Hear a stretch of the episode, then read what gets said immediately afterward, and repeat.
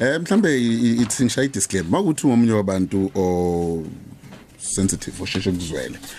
Eh sokhuluma indaba zabantu abadala nyana nje. Kodwa sohloniphisa neguest yami ngicelela ukuthi amagama wa engawaqosha mizi.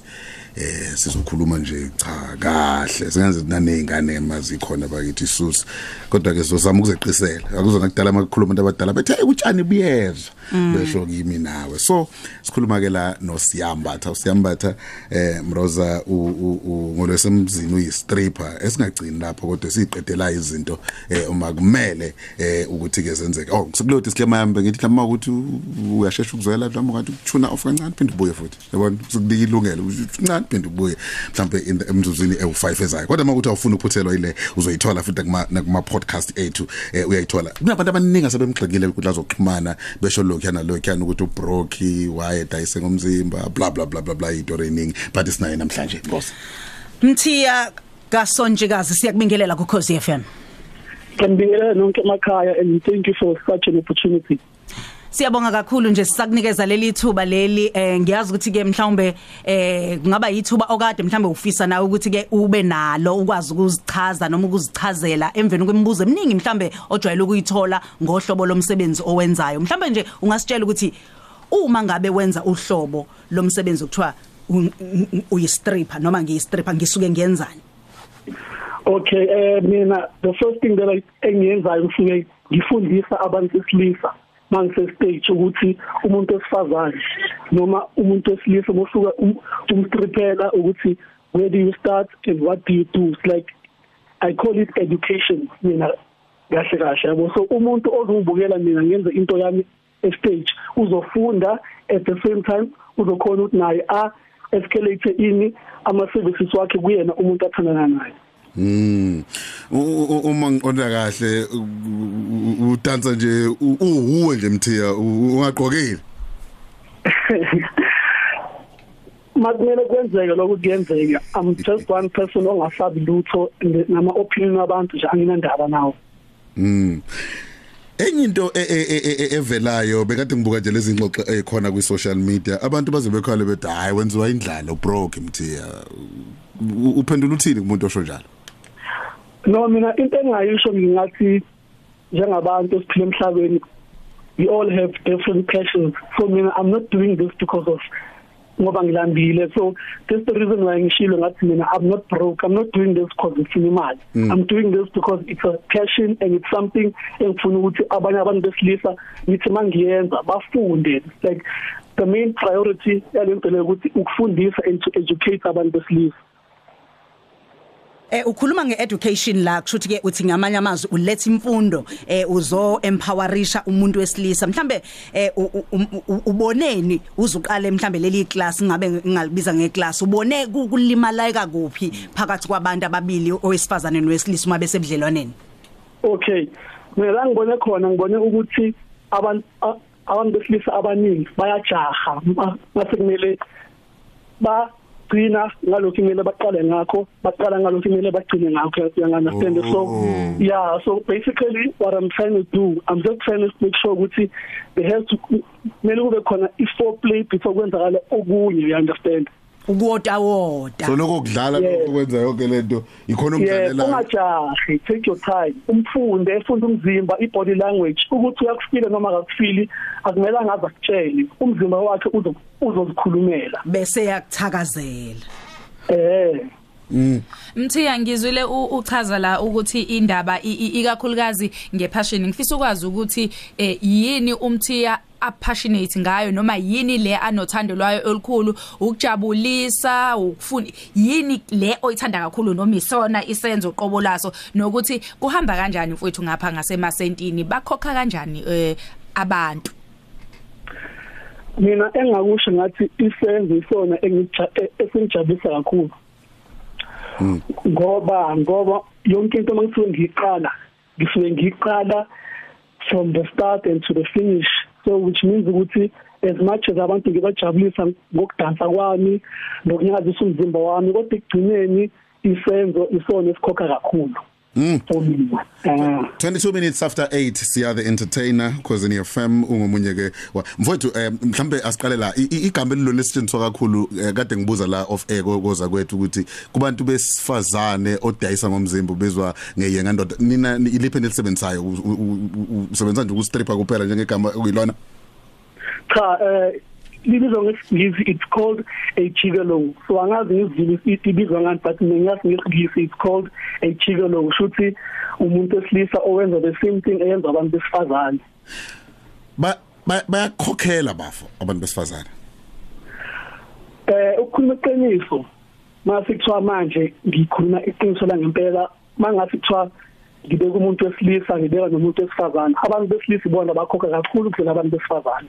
Ngamanye amazwi ufuna ukungitshela ukuthi u- u- wenza nabesilisa uphinde wenza nabesifazane futhi awu- awukhethi awubandlululi cha angikhethi angibandlululo and futhi I'm saying this with no fear and no favor nokuthi ubani olalele. All I'm saying is that mina ama services wami are for both male and female. You understand ngibuka la mthi khona enye into e- e- e- ekade ngiyibuka. Kunomunye oshadile ubaba uganiwe unomndeni nakho konke ubekade ekhala ngabantu laba bathi ubroke. Uthi hayi ayikho leyo nto leyo. Yena wazi nangemali ayikhokhayo akafuna ukuthi ashiwe igama lakho. Ngempela bakhona nabashadile engowesifazane eze kuwe eshadile engowesilisa enze kuwe ezofuna ama services baningi and uh, to be quite honest labo abaseke bashadile those are the ones that inquire kakhulu because bona ngithi like umuntu mayeshadile uthi mayiqala emshadweni uqala on a high note isikhathi nasilokhu sihamba izinga lihambe lehle lehle lehle lehle lehle yabo? So ukhuluma iqiniso abantu abashadile those are the ones that book me kakhulu.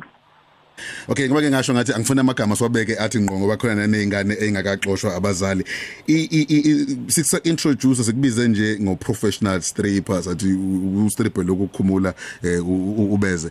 Ku- ku- kugcina lapho impela noma ne kanze abantu abadala igcine yenzekile? Eh iyenzeka ngoba umdanso wami uvusa imizwa. Okay. Mayivusa imizwa umuntu uyafisa ukuthi ngathi singadlulela kulento bengiyenza so mina engingakusho nje ukuthi nje ukustripha kwami kuvusa imizwa. So which one thing leads to another. Mm okay Mthiya nginembuzo emibili kodwa ehambisana la ehambisanayo.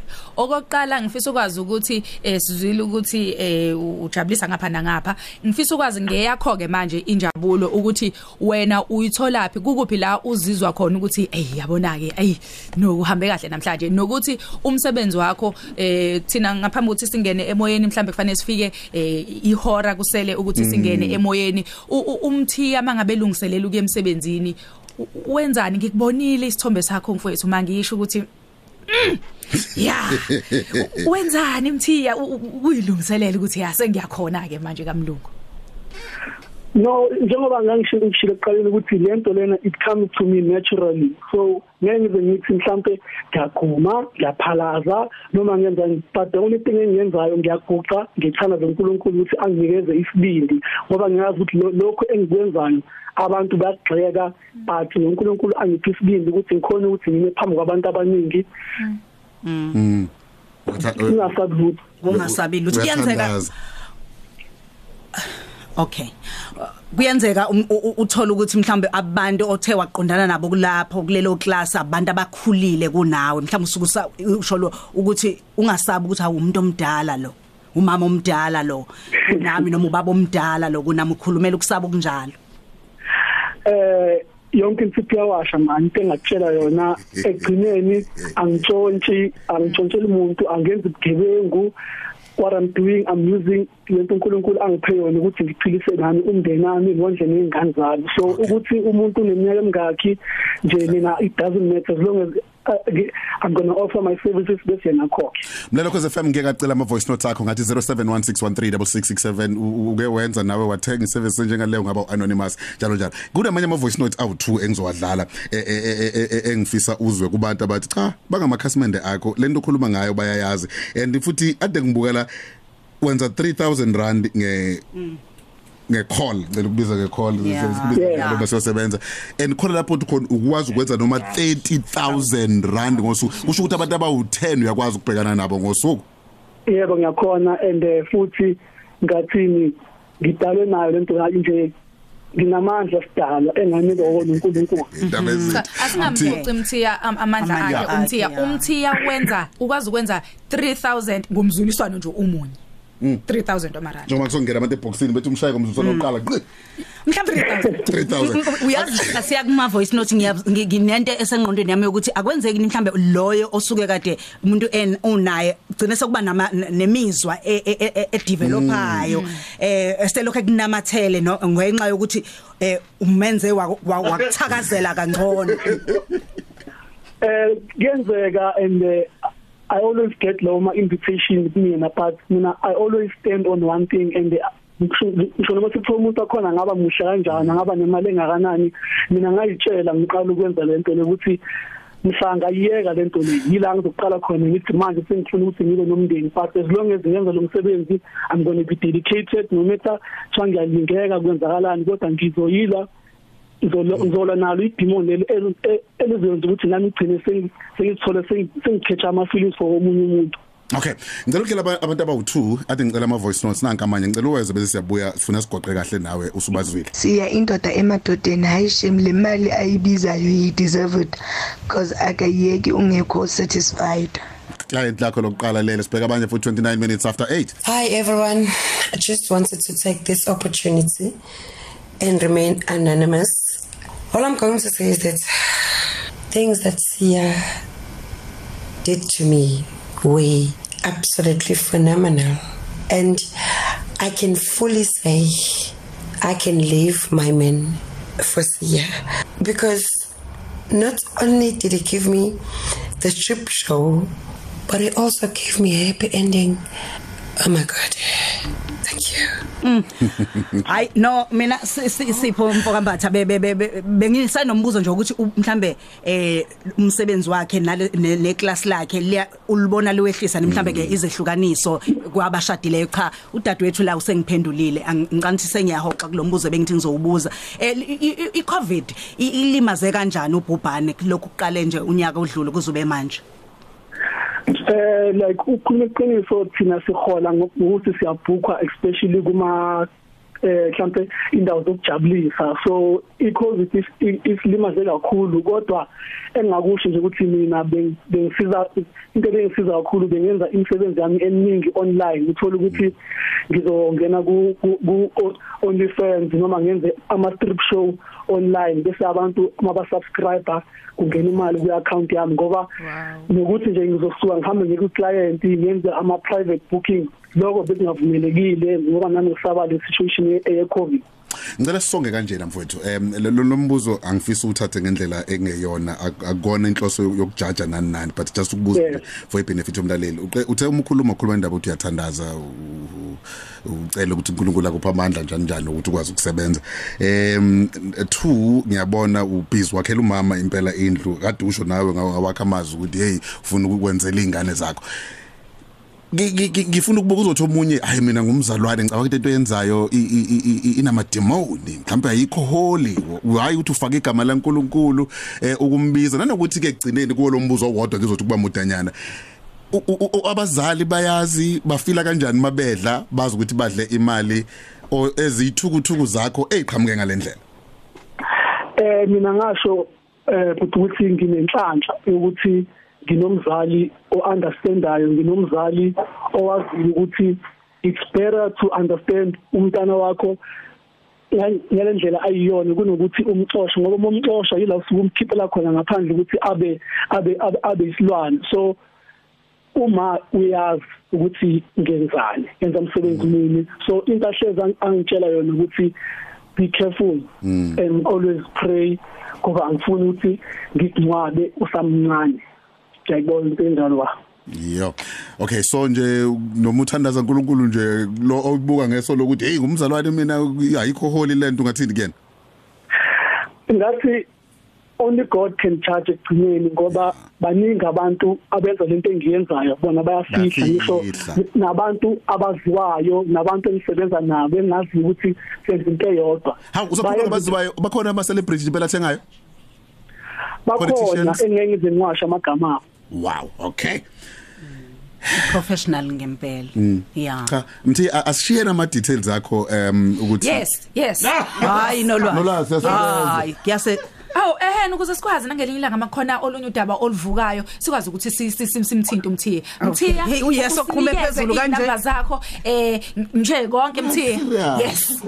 O- okay eh ngiyatholakala ku Twitter Mhm. uh @sia_entertainer and then Instagram it's @sia_entertainer Facebook sia entertainer Yes. Sengiyangena. Athi ngi- siyabonga ndaba ezithi siyabonga mthiya uzamncwabe uthi uyes kanolwazi Yes.